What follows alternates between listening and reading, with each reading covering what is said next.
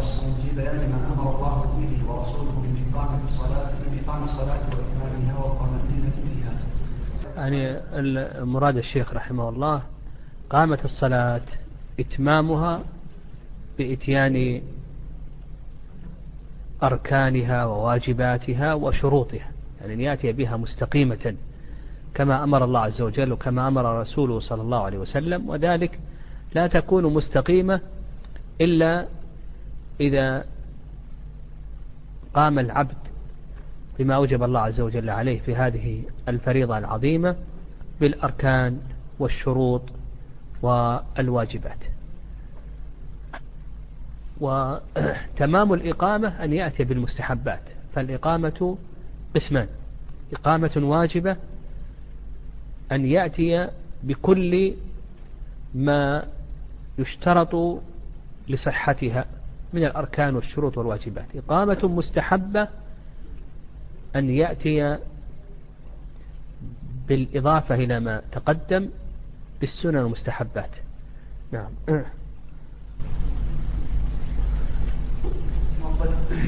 وأصحاب المسانيد كمسلم أحمد وغير ذلك من أصول الإسلام عن أبي هريرة رضي الله عنه إن رسول الله صلى الله عليه وسلم دخل المسجد فدخل رجل ثم جاء فسلم على النبي صلى الله عليه وسلم فرد رسول الله صلى الله عليه عليه السلام.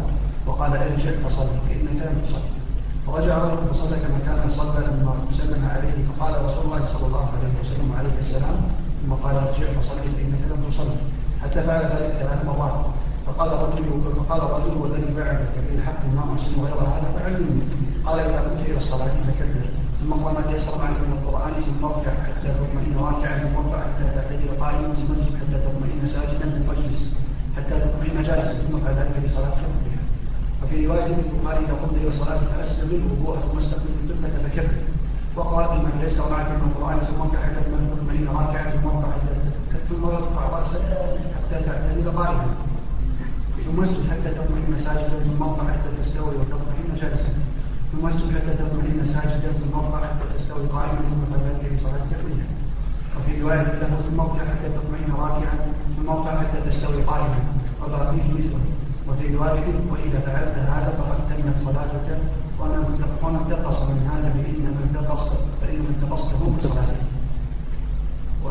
وعن ساعة الموافع رضي الله عنه أن رجلا دخل المسجد فذكر الحديث وقال فيه فقال النبي صلى الله عليه وسلم إنه لا تتم صلاة صلاة لأحد من الناس حتى يتوضأ فيضع الوضوء مواضعه ثم يكبر ويحمد الله عز وجل ويثني عليه ويقرأ بما شاء من القرآن.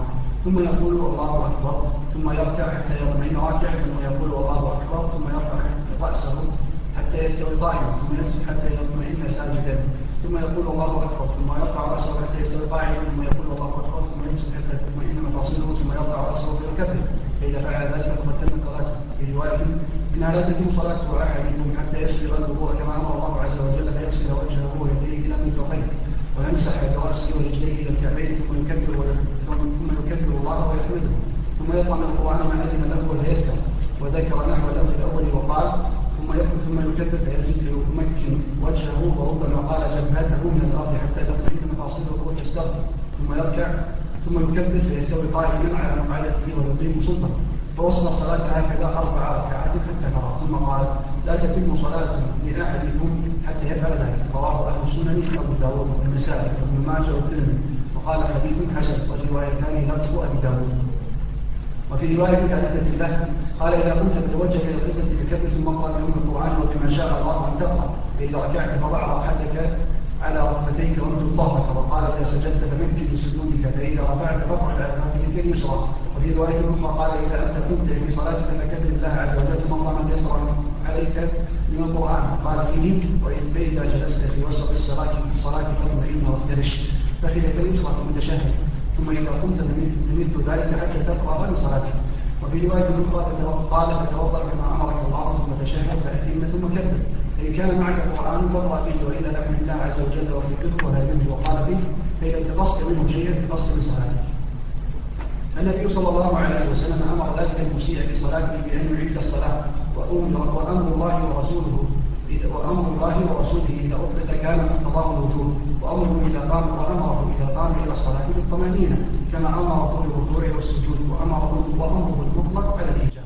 نعم الطمأنينة ركن من أركان الصلاة وهذا ما عليه جماهير العلماء رحمهم الله تعالى ولهذا أمر النبي صلى الله عليه وسلم هذا الرجل الذي أخل بالطمأنينة أمره النبي صلى الله عليه وسلم أن يعيد صلاته وضابط الطمأنينة ضابط الطمأنينة العلماء رحمه الله في ضابطها قولان. القول الأول أنها بقدر الذكر الواجب فتركع بقدر سبحان ربي العظيم تسجد بقدر سبحان ربي الأعلى. وقيل بأن ضابط الطمأنينة هي السكون وإن قل والصواب في ضابطها أنها بقدر الذكر الواجب كما هو الرأي الأول. نعم.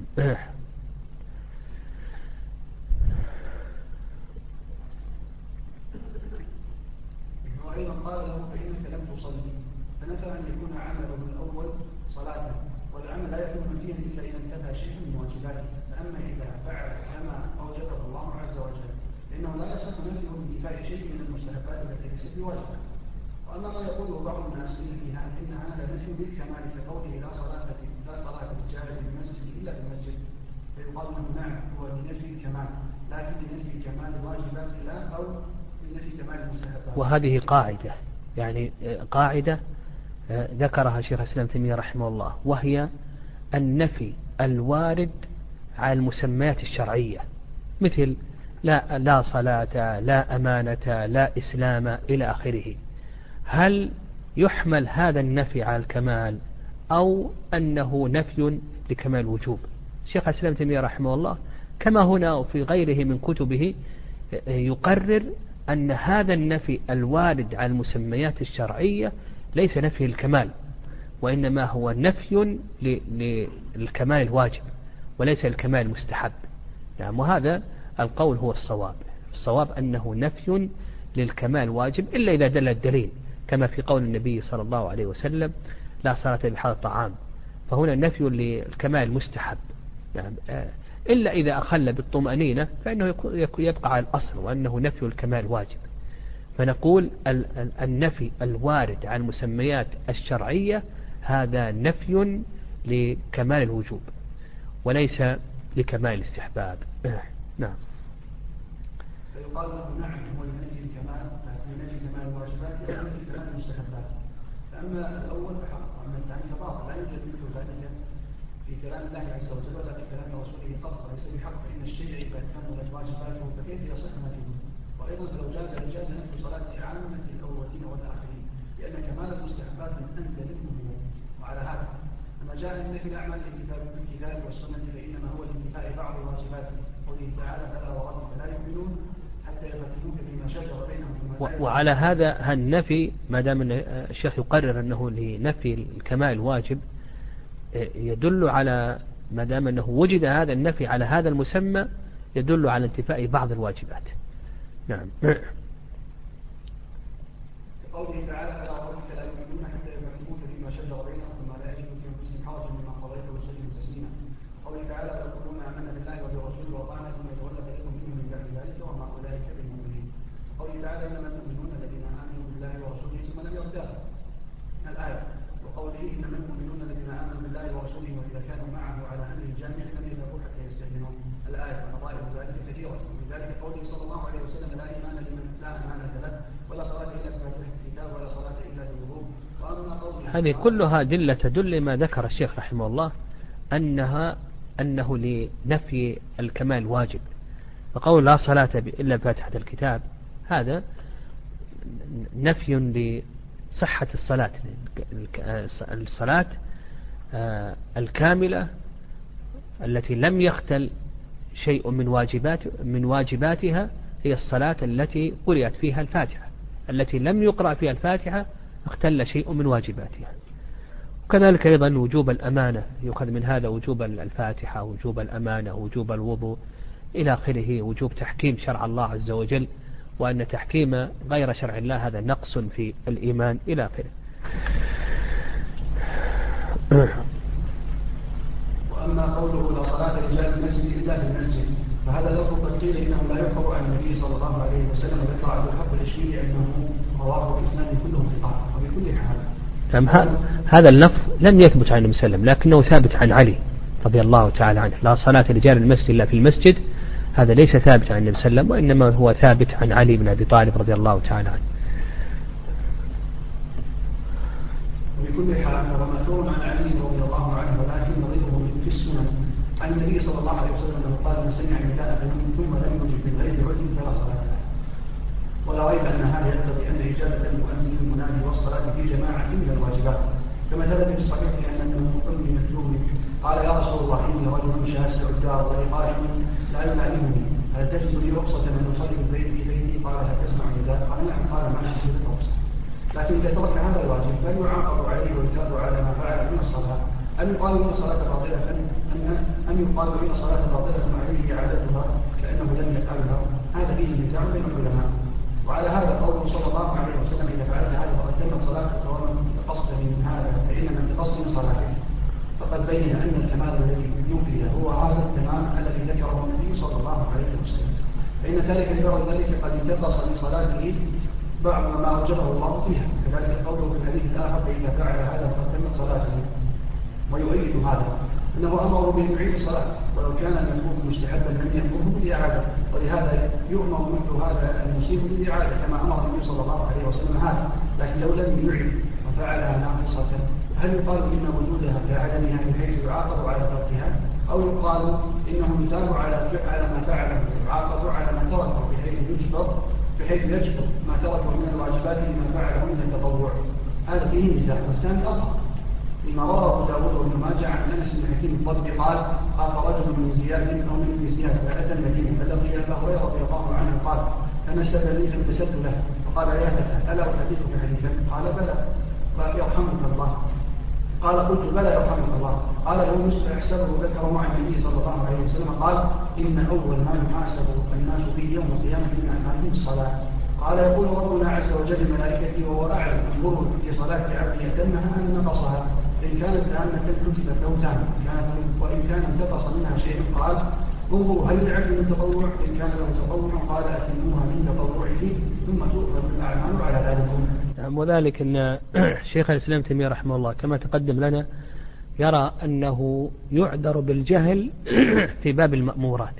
ولهذا إذا نقص شيئا من الواجبات جهلا فإنه يرى أن صلاته صحيحة وهذا النقص يثاب على ما فعله منها والصلاة صحيحة ويكمل هذا النقص من التطوعات. نعم. نعم. ولهذا قال لك والثاني أظهر يعني بحيث يجبر ما تركه من الواجبات بما فعله من التطوع وتكون صلاته صحيحة مبرئة للذمة. نعم.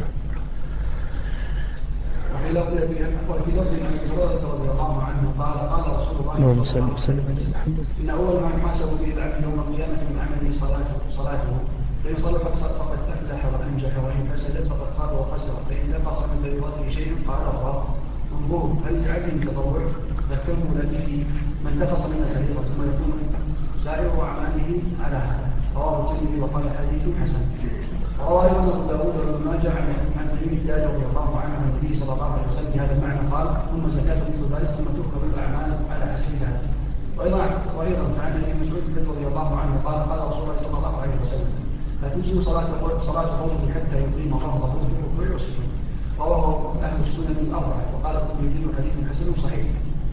فهذا صريح انه لا تجزي الصلاة حتى يعتدل الرجل من الركوع وينتصف من السجود فهذا يدل على إيجاب الاعتدال في الركوع والسجود. وهذه المسألة وإن لم تكن هي مسألة الطمأنينة فهي تناسبها وتراسمها وذلك أن هذا الحديث نص صريح من وجوب الاعتدال.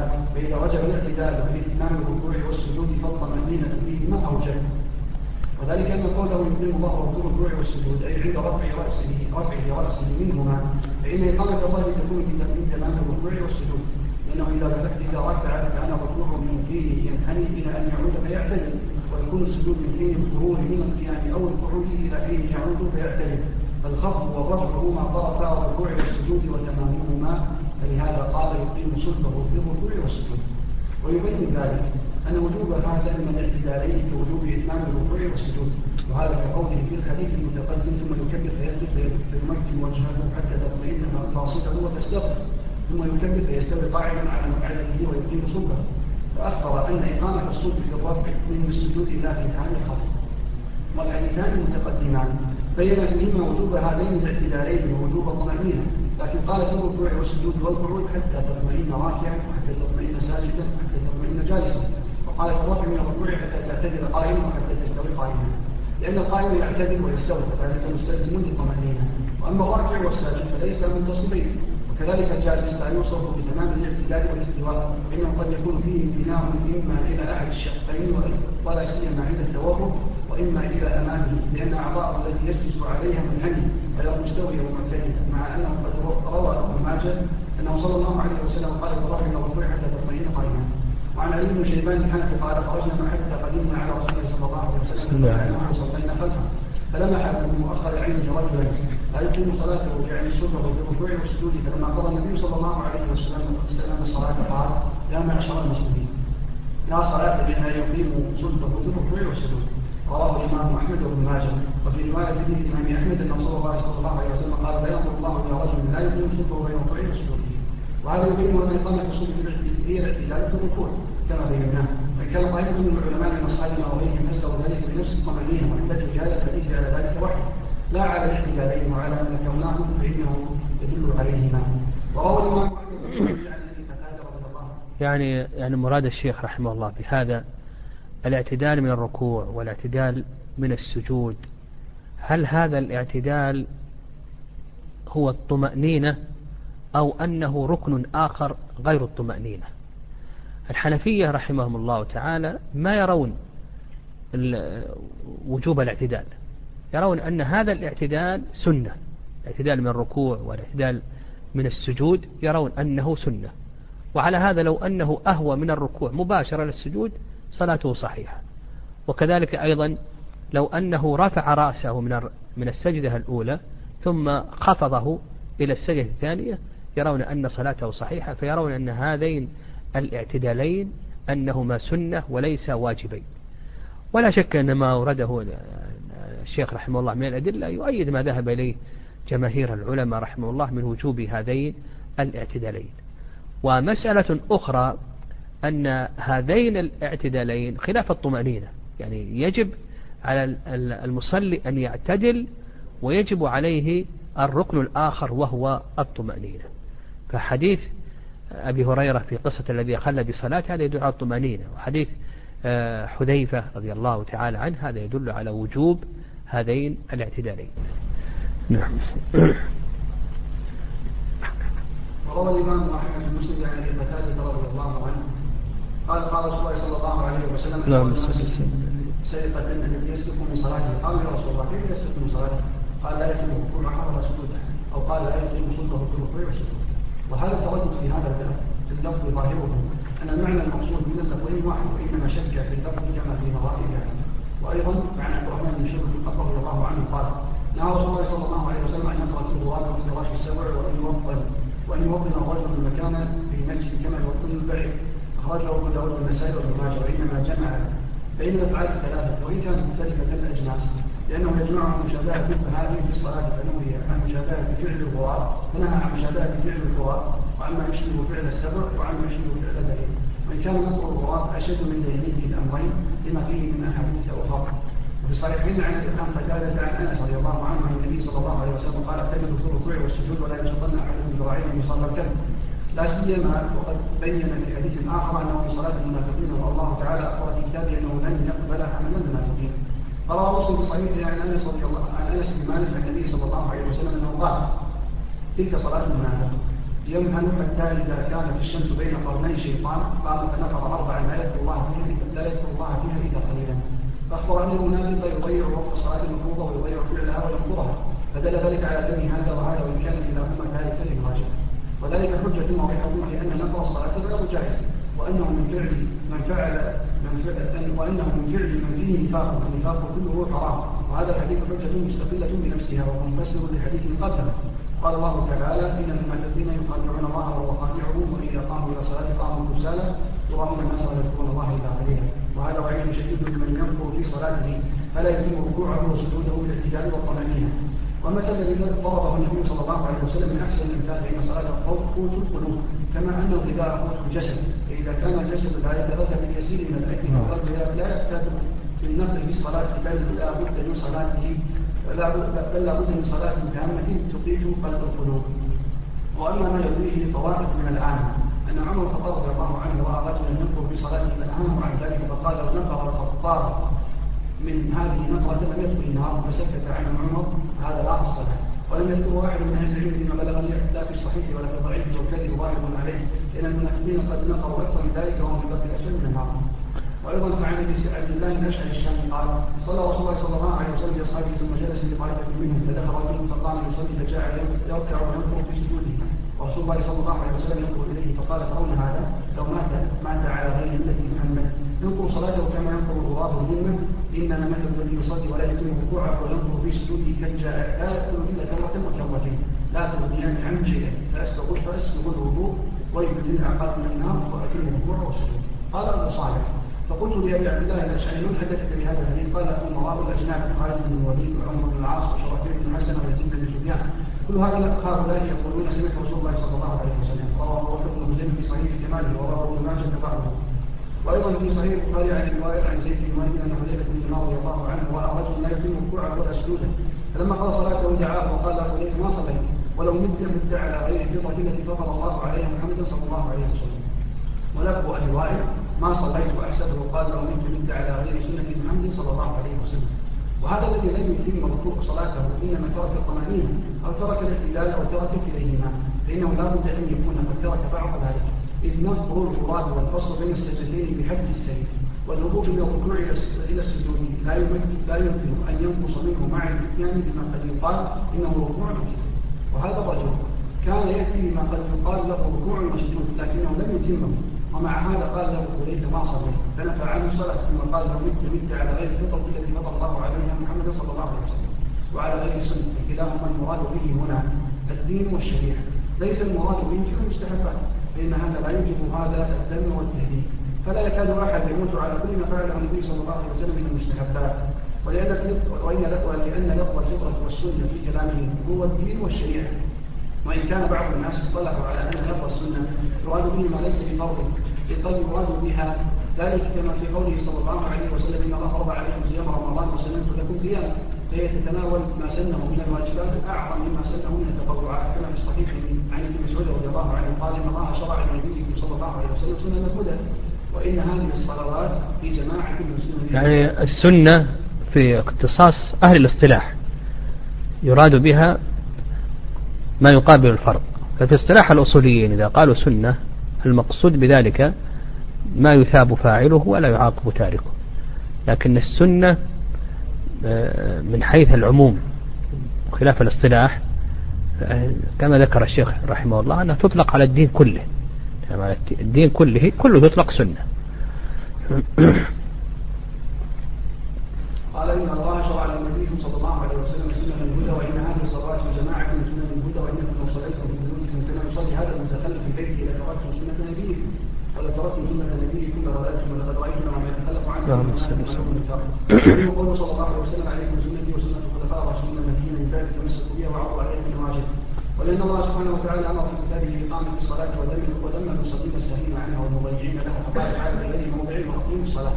وإقامتها تتضمن إتمامها بحسب الإمكان.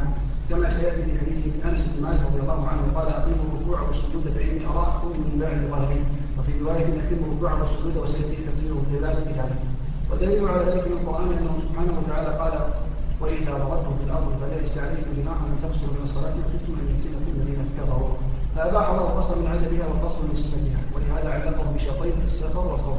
فالسفر يبيح قصر العدد فقط كما قال النبي صلى الله عليه وسلم إن الله وضع على المسافر الصوم وشطر الصلاة. ولهذا كان سنة رسول الله صلى الله عليه وسلم متواتره عنه التي اتفقت امه على عنها انه كان يصلي الرباعيه في السفر ركعتين ولم يصلي في السفر اربعا قط لا أبو بكر ولا عمر رضي الله عنهما لا في الحج ولا في العمرة ولا في الجهاد.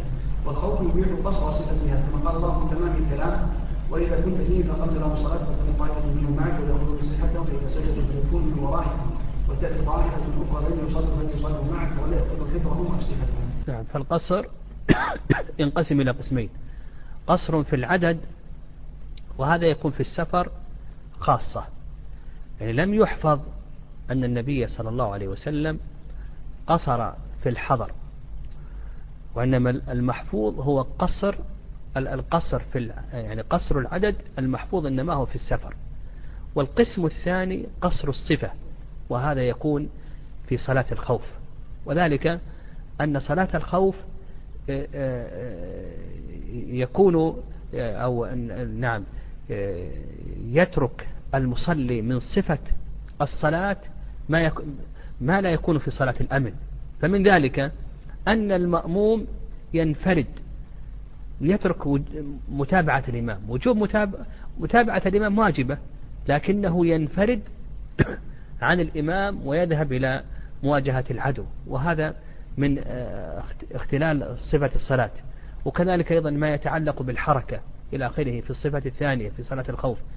آه، المأمومون آه، يصلي بهم الإمام النبي صلى الله عليه وسلم صلى بهم ركعة واحدة ثم بعد ذلك ذهبوا وهم في صلاتهم وواجهوا العدو ثم بعد ذلك أتموا لأنفسهم ركعة إلى آخره. هذا كله من قصر الصفة. يعني الواجب هو متابعة الإمام وعدم الحركة إلى آخره. فما حصل من آه، الحركة وحصل من الانفراد إلى آخره هذا هو المراد بقصر الصفة. نعم. تذكر صلاة الخوف كان العدو في جهة القبلة وكان فيها أنهم كانوا يصلون خلفه فإذا قاموا إلى الثانية فرقوا وتموا لأنفسهم ركعة الثانية ثم ذهبوا إلى مصاف أصحابهم كما قال فإذا سجدوا فليكونوا من ورائكم. فجعل السجود لهم خاصة فعلم أنهم فعلم أنهم يفعلونه منفردين. فعلم أنهم يفعلونه منفردين. ثم قال وتأتي طائفة أخرى لم يصلوا فليصلوا معه فعلم أنهم يفعلونه معه مأمومين في هذه الصلاة تفيق المأمومين مطالبة الأولين الإمام وقيام الآخرين قبل سلام الإمام فيتمون بأنفسهم واحد. ثم قال تعالى إذا قضيتم الصلاة فاذكروا الله قياما وقعودا وعلى جنوب. إذا اطمأننتم فأقيموا الصلاة. فما هو بعد الأمر بإقامة الصلاة وذلك يتضمن الإتمام وترك القصد منها الذي أباحه الخوف والسفر فقصر آه، الصفة كما ذكر الشيخ. نعم. تفريق المأمومين ومفارقة الأول للإمام وقيام الآخرين قبل سلام الإمام ويتمون لأنفسهم لك ركعة. هذا هو قصر الصفة المراد الذي أشار عليه الشيخ أولا. نعم. الأمر يتضمن الأمر حسب وأما قوله في صلاة الخوف فأقمت له الصلاة. فتلك إقامة وإتمام في حال الخوف كما أن ركعتين بالسبب إقامة وإتمام. كما ثبت في الصحيح عن عمر الخطاب رضي الله عنه قال صلاة الصبح ركعتين وصلاة الجمعة ركعتين وصلاة الفطر ركعتان تماما من ليل قصر. على لسان النبي صلى الله عليه وسلم. هذا يبين ما رواه مسلم. قال السنن عن يعلم أمية قال قلت لعمر الخطاب رضي الله عنه صار الناس صار الناس صلاة اليوم. وإنما قال الله عز وجل إن خفتم أن يفتن كل الذين كفروا قد ذهب ذلك اليوم. فقال عجبت مما عجبت منه. ذكرت ذلك لرسول الله صلى الله عليه وسلم فقال صدقة تصدق الله بها عليكم فاقبلوا صدقة فإن المتعجب ظن أن القصر مطلقا مشروط بعدم الأمل فبين السنة أن القصر نوعان كل نوع له شرط. وثبتت السنة أن الصلاة المشروعة السفر تامة لأنه بذلك أمر أمر لأنه بذلك أمر الناس. ليست مقصورة في الأجر والثواب وإنما كانت وإن كانت مقصورة في الصفة والعمل. إذ المصلي يؤمر بانتقال التجارة ويؤمر بالإبصار تارة وأيضا فإن الله تعالى قال فإذا اطمأننتم فأقيموا الصلاة. إن صلاة كانت على المؤمنين كتابا موقوتا. والموقوت قد استوى الصلاة وفي السبب بما له وقت. والمفروض هو المقدر المحدد. فإن التوقيت والتقدير والتكليف والفرض متقارب كذلك يجب أن الصلاة المقدرة محددة مفروضة موقوتا. وذلك في زماننا وأفعالها وكما أن زمانها وكما أن زمانها محدود فيفعلها أولى أن تكون محدودة موقوتة وهو ينال تقدير عدده بأن جعل خمسة وجعل بعضها أربعة في الحضر في الحضر والتنفيذ في السفر وبعضها ثلاثة وبعضها التنفيذ في الحضر والسفر وتقدير عملها أيضا. ولهذا يجوز عند الحكم الجمع متضمن لنوع من التقدير والتقدير في زمان كما يجوز أيضا القصر من عادتها ومن صفتها وبحسب بحسب ما جاء في الشريعة. وذلك أيضا مقدر عند العذر كما هو مقدر عند غير العذر ولهذا فليس للجامع بين الصلاتين أن يؤخر صلاة النهار إلى الليل أو صلاة الليل إلى النهار وصلاتين النهار الظهر والعصر وصلاتين الليل المغرب والعشاء. وكذلك أصحاب الأعداد الذين ينقصون من عددها وصفتها وهو موجود محدود ولا بد أن تكون الأفعال محدودة. الابتداء والانتهاء فالقيام محدود بالانتصار بحيث لو خرج عن حد المتصل إلى حد المنحني المنحني الراكع في اختياره لم يكن قد أتى بحد القيام. ومن المعلوم أن ذكر القيام الذي هو القراءة أفضل من ذكر الركوع والسجود ولكن نفس عمل الركوع والسجود أفضل من عمل القيام ولهذا كانت عبادة لنفسه ولم يصح في شرعنا إلا لله بوجه من الوجوه وغير ذلك من الأدلة في غير آه، وغير ذلك من الأدلة المذكورة في غير هذا الموضوع. فإذا كان كذلك من المعلوم أن هذه الأفعال مقدرة محدودة بقدر التمكن منها الساجد عليه أن يصل إلى الأرض وهو غاية التمكن ليس له غاية دون ذلك إلا العلم يعني المسألة السابقة يعني يعني أشار إليه الشيخ رحمه الله. هل الأفضل القيام أو الركوع أو السجود إلى آخره؟ فالشيخ رحمه الله يرى التوسط في هذه المسألة وأن القيام أفضل بذكره وأما السجود والركوع أفضل بهيئته. لأن ذكر القيام هو كلام الله عز وجل وأما هيئة الركوع والسجود فهي الذل لله سبحانه وتعالى بتعفير الوجه في الأرض. نعم. كذلك أيضا ما ذكره من حد أفعال الصلاة من سجود وركوع وقيام هذه لها صفتان كاملة ومجزئة. لكن ما هو حد القيام الكامل؟ أن يكون أقرب إلى الاعتدال منه إلى الركوع. يعني من رآه يقول بأنه قائم. كذلك أيضا الركوع المجزئ أن يكون أقرب إلى الركوع منه إلى القيام. والسجود المجزئ أن يسجد على الأعضاء السبعة التي أمر النبي صلى الله عليه وسلم بالسجود عليها. نعم. الساجد عليه أن يصل إلى الأرض وهو غاية التمكن ليس له غاية دون ذلك إلا لقدره وهو من حين انتمائه أخذ السجود سواء سجد من قيام أو من ينبغي أن يكون ابتداء السجود مقدرا بذلك بحيث يسجد من قيام أو قعود لا يكون من امتنان فإن ذلك يمنع كونه مقدرا وجودا بحسب الإمكان ومتى وجب ذلك؟ وجب الاعتدال وجب الاعتدال في الركوع والسجود وبين السجدتين وأيضا فلذلك إتمام الركوع والسجود. وأيضا أفعال صلاته إذا كانت مقدرة. وجب أن يكون لها قدر وذلك هو وذلك هو الطمأنينة. إن من نقر نقر الغراب لم يكن لفعله قدر قدر قدر أصلا لأن قدر الشيء فإن قدر الشيء ومقداره فيه زيادة على أصل وجوده.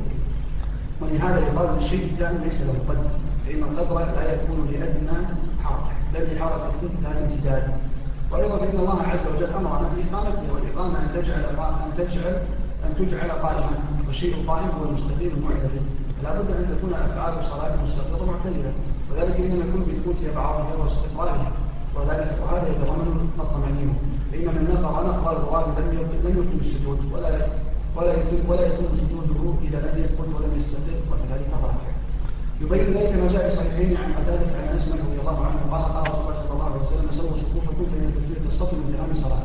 وأخرجاه من حديث عبد العزيز بن شهيب عن أنس مالك رضي الله عنه قال قال رسول الله صلى الله عليه وسلم أتم الصفوف فإني أراكم من قلب ظاهري وفي لفظ تقييم الصفوف رواه البخاري من حديث حميد عن أنس قال قيمة الصلاة فأقبل علينا. رسول الله صلى الله عليه وسلم وقال أقيموا الصفوف ثم تراصوا فإني أراكم من ظهري وكان أحدنا يمسك منكبه بمنكب صاحبه وبدنه ببدنه فإذا كان تقويم الصف وتعديله من كلام إقامتها بحيث لو خرجوا عن الاستواء والاعتدال بالكلية حتى يكون رأس هذا عند النص الأسفل من هذا لم يكونوا مصطفين ولو كان ولا كانوا يؤمرون بالإعادة. وهم بذلك أول من الذي صلى خلف الصف وحده فأمره النبي صلى الله عليه وسلم أن يعيد الصلاة. فكيف بتقويم أفعاله وتعليلها بحيث لا يقيم صدره في الركوع والسجود؟ ويدل على ذلك وهو دليل مستقيم في هذه المسألة ما أخرجه في الصحيحين عن شوبة عن قتادة عن أنس رضي الله عنه. عن النبي صلى الله عليه وسلم قال أقيموا الصلاة أقيموا الركوع والسجود. فوالله إني لأراكم من بعدي وفي رواية من بعد ظهري إذا ركعتم وسجدتم. وفي رواية البخاري عن همام عن قتادة عن أنس رضي الله عنه أنه سمع النبي صلى الله عليه وسلم يقول الركوع والسجود هو الذي نفسي بيده نفسي بيده إني لأراكم من بعد ظهري إذا ما ركعتم وإذا ما سجدتم. وروى مسلم حديث هشام الدستوائي وابن أبي عروبة عن قتاده عن انس رضي الله عنه عن نبي الله صلى الله عليه وسلم قال اقيموا الركوع والسجود ولم ابن أبي عروبة اقيموا الركوع والسجود فإني أراكم وذكرهم فهذا يبين أن إقامة أن إقامة الركوع والسجود توجب ايمانهما كما في الامر الآخر وأيضا فامره لهم بإقامة الركوع والسجود. يتضمن السكون فيهما اذ من المعلوم أنهم كانوا يأتون من الامتناع في الجملة. بل الامر بالاقامه يقتضي أيضا الاعتداء بهما واتمام طرفيهما وفي هذا رد على ما زعم انه لا يجب الرفع منهما فيهما وذلك ان هذا الامر ان هذا أمر للمؤمنين خلقه ومن المعلوم أنه لم يكن يمكنهم الانصراف قبله وأيضا قوله تعالى حافظوا على الصلاة والصلاة الوسطى وقوموا لله قانتين أمر بالقنوت في القيام لله والقنوت والقنوت دوام طاعة الله عز وجل سواء كان في حال الاتصال أو في حال السجود كما قال تعالى أمن وقانت أنا عليه ساجدا وقائما يحفظ الآخرة ويرجو رحمة ربه. وقال تعالى الصالحات قانتات حافظات غير ما الله وقال ومن يكن في كل الله ورسوله. وقال وله ما في السماوات والأرض كل له قانتون. فإذا كان ذلك كذلك فقوله تعالى وقوموا لله قانتين. إما أن يكون أمرا بإقامة الصلاة مطلقا كما في قوله كونوا قوامين بالقسط فيعم أفعال هذا يقتضي الدوام بأفعالهم وإما أن يكون المراد به القيام المخالف للقعود فهذا يعم ما قبل الركوع ويقتضي القول وهو القنوت المتضمن للدعاء كقنوت النوازل وقنوت الفجر عندما يستحب الدوام عليه وإذا ثبت وجوب هذا ثبت وجوب الطمأنينة في سائر الأفعال فقليل الأولى ويقوي الوجه الأول حديث زيد بن أرقم الذي في الصحيحين عنه قال كان أحدنا يملك رجل إلى جنبه في الصلاة فنزلت وقوم لله قانتين قال فضيلة السكوت ونريد عن الكلام. حيث أخبر أنهم كانوا يتكلمون في الصلاة وعلم ومعلوم أن السكوت عن خطاب الآدميين واجب في جميع الصلاة فاقتضى ذلك الأمر بالقنوت في جميع الصلاة ودل الأمر بالقنوت على السكوت عن مخاطبة الناس لأن القنوت هو دوام الطاعة. فالمشتغل بمخاطبة العباد تارك الاشتغال في الصلاة يختلف هي عبادة الله وطاعته. فلا يكون مداوما على طاعته. ولهذا قال النبي صلى الله عليه وسلم من عليه ولم يرد بعد أن كان يرد في الصلاة لشغلا فاخبر أن في الصلاة ما يشغل المصلي عن مخاطبة الناس وهذا هو الخلود فيها وهو دوام الطاعة. ولهذا جاز عند جمهور العلماء من الناس فيما هو مشروع فيها من القراءه والتسبيح لأن ذلك لا يشغله عنها ولا يملك فيها وأيضا فانه سبحانه قال إنما يؤمن بايات الذين يذكروا بها خروا سجدا وسبحوا بحمد ربهم وهم لا يستكبرون. فاخبر أنه لا يكون مؤمنا إلا من سجد إلى ذكر الآيات وسبح بحمد ربه. ومعلوم أن قراءة القرآن في الصلاة هي تذكر بالآيات ولذلك وجب السجود مع ذلك. وقد أوجب قرورهم سجدا واوجب تسبيحهم بحمد ربه وذلك يقتضي وجوب التسبيح في السجود وهذا يقتضي وجوب الطمأنينة. ولهذا قال طائفة من العلماء في مصالح أحمد وغيرهم إن مقدار الطمأنينة واجبه مقدار التسبيح الواجب عندهم هو التسبيحات والثاني انه القرور هو السقوط والوقوع. وهذا إنما يقال فيما يثبت ويسكن لا فيما لا يوجد منه سكون على الأرض. ولهذا قال فإذا وجب جنوبها والوجوب في الاصل هو الثبوت والاستقرار. وأيضا فعن عقبة بن عمرو رضي الله عنه قال لما نزل فاستفتح باسم ربك الاعلى قال رسول الله صلى الله عليه وسلم اجعلوها في ركوعكم ولما نزل فاستفتح باسم ربك الاعلى قال اجعلوها في سجودكم وهو داود بن ماجه وأمر النبي صلى الله عليه وسلم جعل هذين التسبيحين في الركوع والسجود والامر به على الوجوب وذلك يقتضي وجوب ركوع وسجود تبع لهذا التسبيح وذلك مطمئن ثم ان من الفقهاء من قال يقول التسبيح ليس بواجب وهذا قول الفقهاء يعني الواجبات الواجبات في الصلاة ثمانية. وهذا من مفردات مذهب الحنابلة. الحنابلة يرون أن هذه الواجبات أن هذه الواجبات الثمانية يرون أنها واجبة. جمهور أهل العلم يرون أنها مستحبة. تسبيحة الركوع تسبيحة السجود وتكبيرات الانتقال والتسميع والتحميد وكذلك أيضا التشهد الأول والجلوس له إلى آخره. هذه الواجبات من مفردات مذهب الحنابلة. والشيخ رحمه الله كلامه يرى أنها واجبة ويدل للوجوب أن النبي صلى الله عليه وسلم لما ترك التشهد الأول وقام عنه جبره بسوء السهو. هذا مما يدل على الوجوب. وكذلك أيضا حديث الذي أورده حديث عقبة وإن كان فيه ضعف اجعلوها في سجودكم واجعلوها في ركوعكم. لكن فيه حديث معاوية بن الحكم حديث معاوية بن الحكم في صحيح مسلم. إن صلاتنا هذه لا يصلح فيها شيء من كلام الناس إنما هو التكبير والتسبيح وقراءة القرآن. فحصر النبي صلى الله عليه وسلم الصلاة بهذه الأمور الثلاثة التكبير والتسبيح وقراءة القرآن. ولأنه أيضا يعني أن يعني أن هذا ينافي أن تكون هذه الأركان العظيمة من الركوع والسجود أن لا يكون لها ذكر. وكذلك أيضا ما جاء في أبي داود أن النبي صلى الله عليه وسلم أمر من أخل بصلاته أمره بتكبيرات الانتقال ثم كبر ثم كبر إلى آخره. هذا مما يدل على الوجوب ومما يدعى الوجوب أيضا حيث عائشة حيث أبي هريرة وإذا قال سمع الله لمن حمده فقولوا ربنا ولك الحمد. فقوله وقول فقولوا ربنا ولك الحمد هذا يدل للوجوب. فهذه الأدلة تشهد لما ذهب إليه الحنابلة رحمهم الله أن هذه الأفعال الثمانية أنها واجبة وهو ما شار إليه الشيخ رحمه الله. نعم. ثم إن من الفقهاء من قد يكون التسبيح ليس بواجب وهذا القول خالف ظاهر الكتاب والسنة إن ظاهره ما يدل على وجوب الفعل والقول جميعا. إذا دل دليل على عدم وجوب القول يمنع وجوب الفعل من يقول بوجوب التسبيح فيستدل بذلك بقوله تعالى وسبح بحمد ربك قبل طلوع الشمس وقبل غروبها. هذا أمر بالصلاة كلها. كما ثبت في الصحيحين عن جرير عبد الله البجلي رضي الله عنه قال كنا جلوسا عند النبي صلى الله عليه وسلم إذ نظر إلى القمر الذي تبدل فقال إنكم سترون وقتكم كما ترون هذا القمر لا تتوقون في رؤيته فإن استطعتم ألا تغلبوا على صلاة قبل طلوع الشمس وقبل غروبها ثم قرأ وسبح قبل طلوع الشمس وقبل غروبها فإذا كان الله عز وجل قد سمى صلاة تسبيحا فقد دل ذلك على وجوب التسبيح كما أنه لما سماه قياما بقوله تعالى وقوم الليل إلا قليلا دل على وجوب القيام كذلك لما سماه قرآنا من قوله تعالى وقرآن دل على وجوب التسبيح القرآن فيها. وهذه قاعدة أيضا أن التعبير عن الشيء ببعض أجزائه يدل على وجوب هذا الجزء فيه. نعم التعبير عن الشيء ببعض أجزائه هذا يدل على وجوب الجزء فيه. فإذا عبر الله عز وجل عن الصلاة بالتسبيح هذا يدل على وجوب التسبيح. في الصلاة. نعم أو عبر بالقراءة عن الصلاة إلى آخره. هذا يدل على وجوب القراءة فيها وعلى هذا فقس. نعم.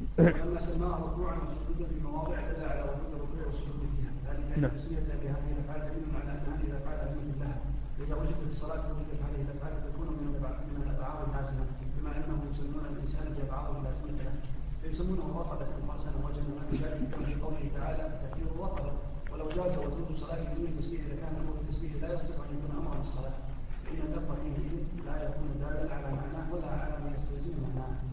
وأيضا فإن الله عز وجل يمنع عموم الإنسان وسلم إلا المصلين الذين هم على صلاتهم دائمون كما قال تعالى إن الإنسان خلق هلوعا إذا مسه الشر جزوعا وإذا مسه الخير ممنوعا إلا المصلين الذين هم على صلاتهم دائمون وسلف من الصحابة ومن بعدهم قد فسروا الدائم على الصلاة بالمحافظة على أوقاتها والدائم على أفعاله بالإقبال عليها والآية تعلم هذا وهذا فإنه قال على صلاتهم دائمون والدائم على الفعل والمتيم له الذي يفعله دائما.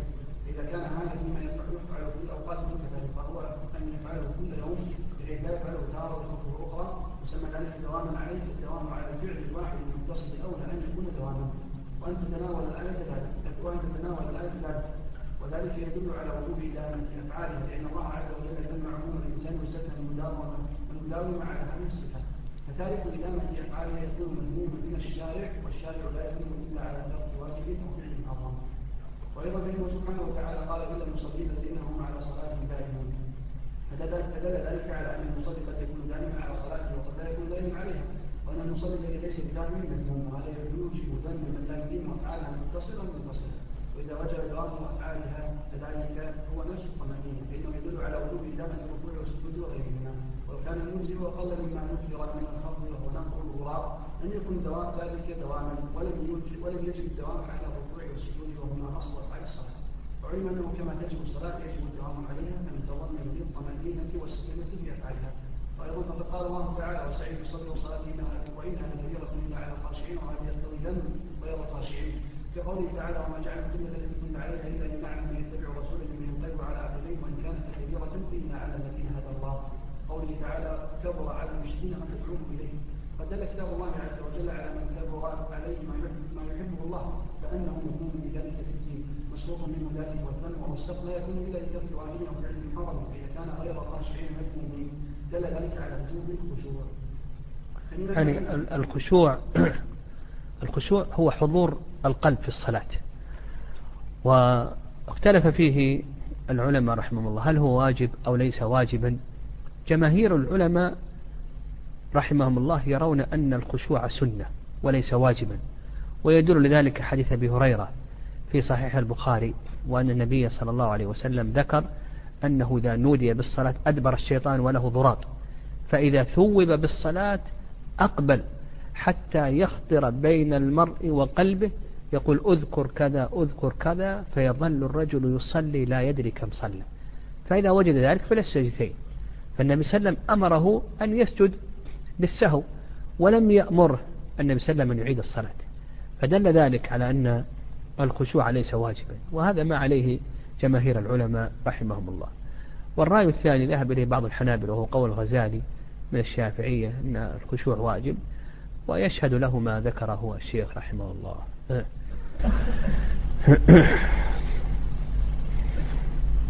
ومن المعلوم أن الخشوع المذكور في قوله تعالى وإنها لكبيره إلا على الخاشعين.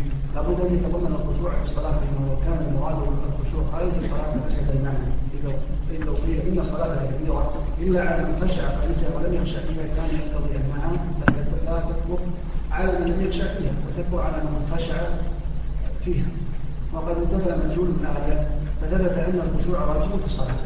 ويدل على وجود الخشوع فيها أيضا قوله تعالى قد أفلح المؤمنون الذين هم في صلاتهم خاشعون والذين هم عن اللغو معرضون والذين هم بالزكاة فاعلون والذين هم في فروجهم حافظون إلا على أزواجهم أو ما ملكت أيمانهم فانهم غير مؤمنون فمن اتبع وراء ذلك فاولئك هم العادون والذين هم لاماناتهم وعهدهم راعون والذين هم على صلاتهم يحافظون أولئك هم الوارثون الذين يرثون في هم فيها خالدون. أخبر سبحانه وتعالى أن هؤلاء هم الذين يرثون في الدوس الجنة وذلك يقتضي انه لا يرثها غيرهم.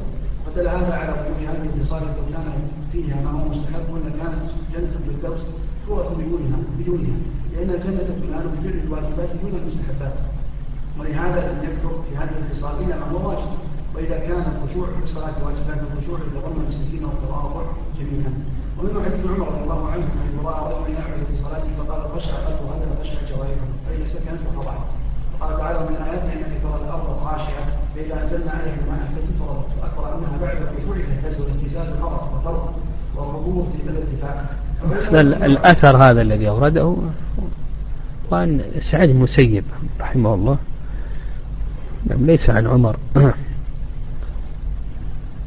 نعم. وبين ان الخشوع فيه سكون وانخفاض ولهذا كان النبي صلى الله عليه وسلم يقول حال ركوعه اللهم لك ركعت لك امنت لك اسلمت فجعل بسمعي وعظمي وعصري رواه مسلم في صحيحه ووصف نفسه بالخشوع في كل حال حال الركوع من الرافع ساكن متواضع وبذلك فسر سلف الآية في تفسير المشهور الذي يقال له تفسير الدوامي عن عن علي بن طلحه عن ابن عباس رضي الله عنه وقد رواه المصنفون من التفسير.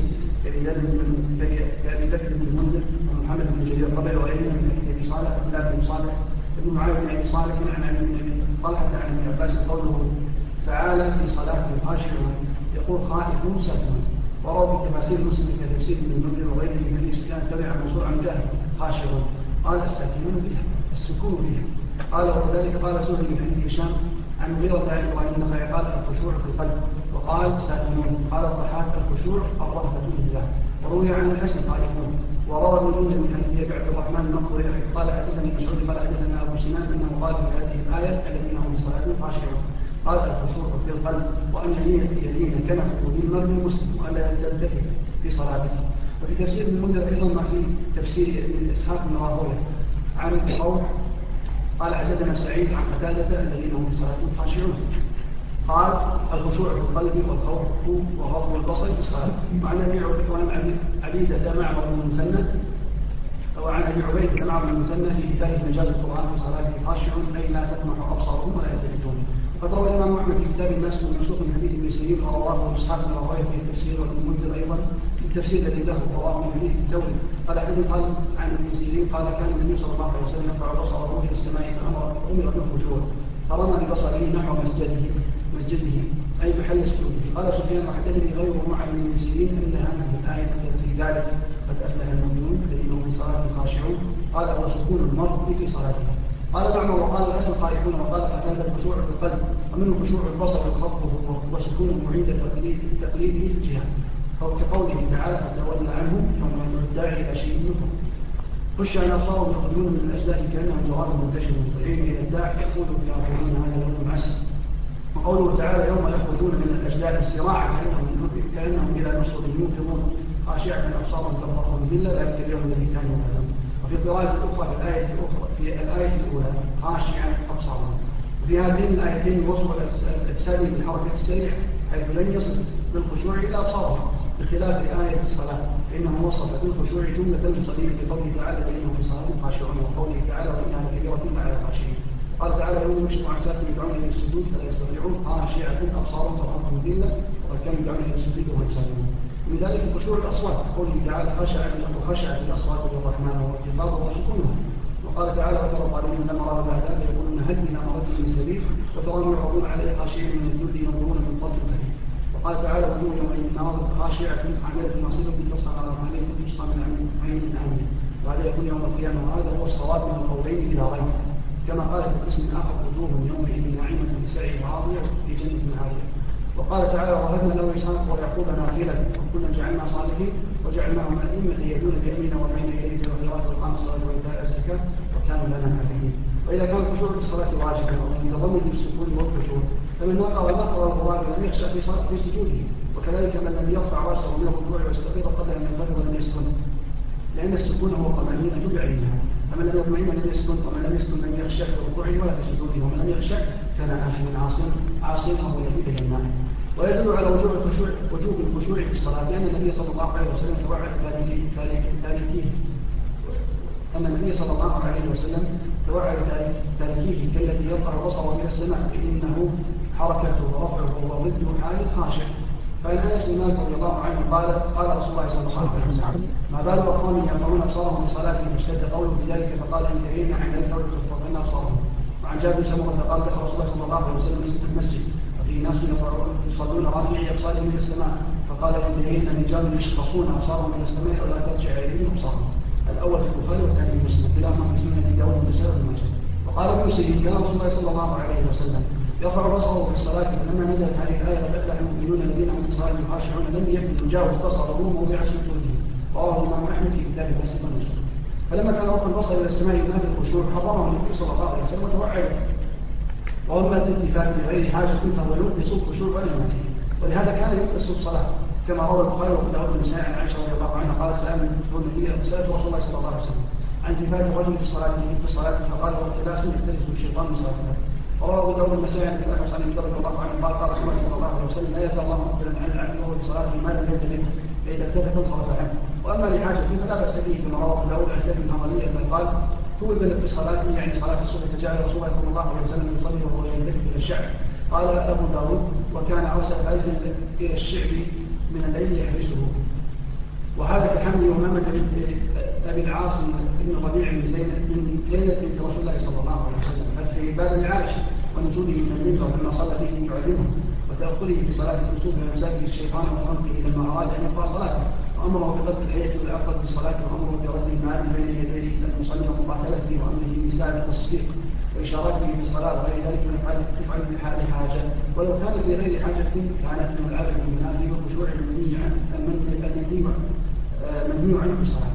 ويدل على ذلك أيضا ما رواه ابن البخاري عن جابر بن سلمة رضي الله عنه قال دخل علينا رسول الله صلى الله عليه وسلم الناس رافعوا ايديهم قال قال أبو سهيل بن معاوية واراه قال في الصلاة فقال ما لي اراكم رافع ايديكم كأنها اذناب خير شمس؟ اسكنوا في الصلاة. رواه مسلم وأبو داود ومسلم ورواه غيره.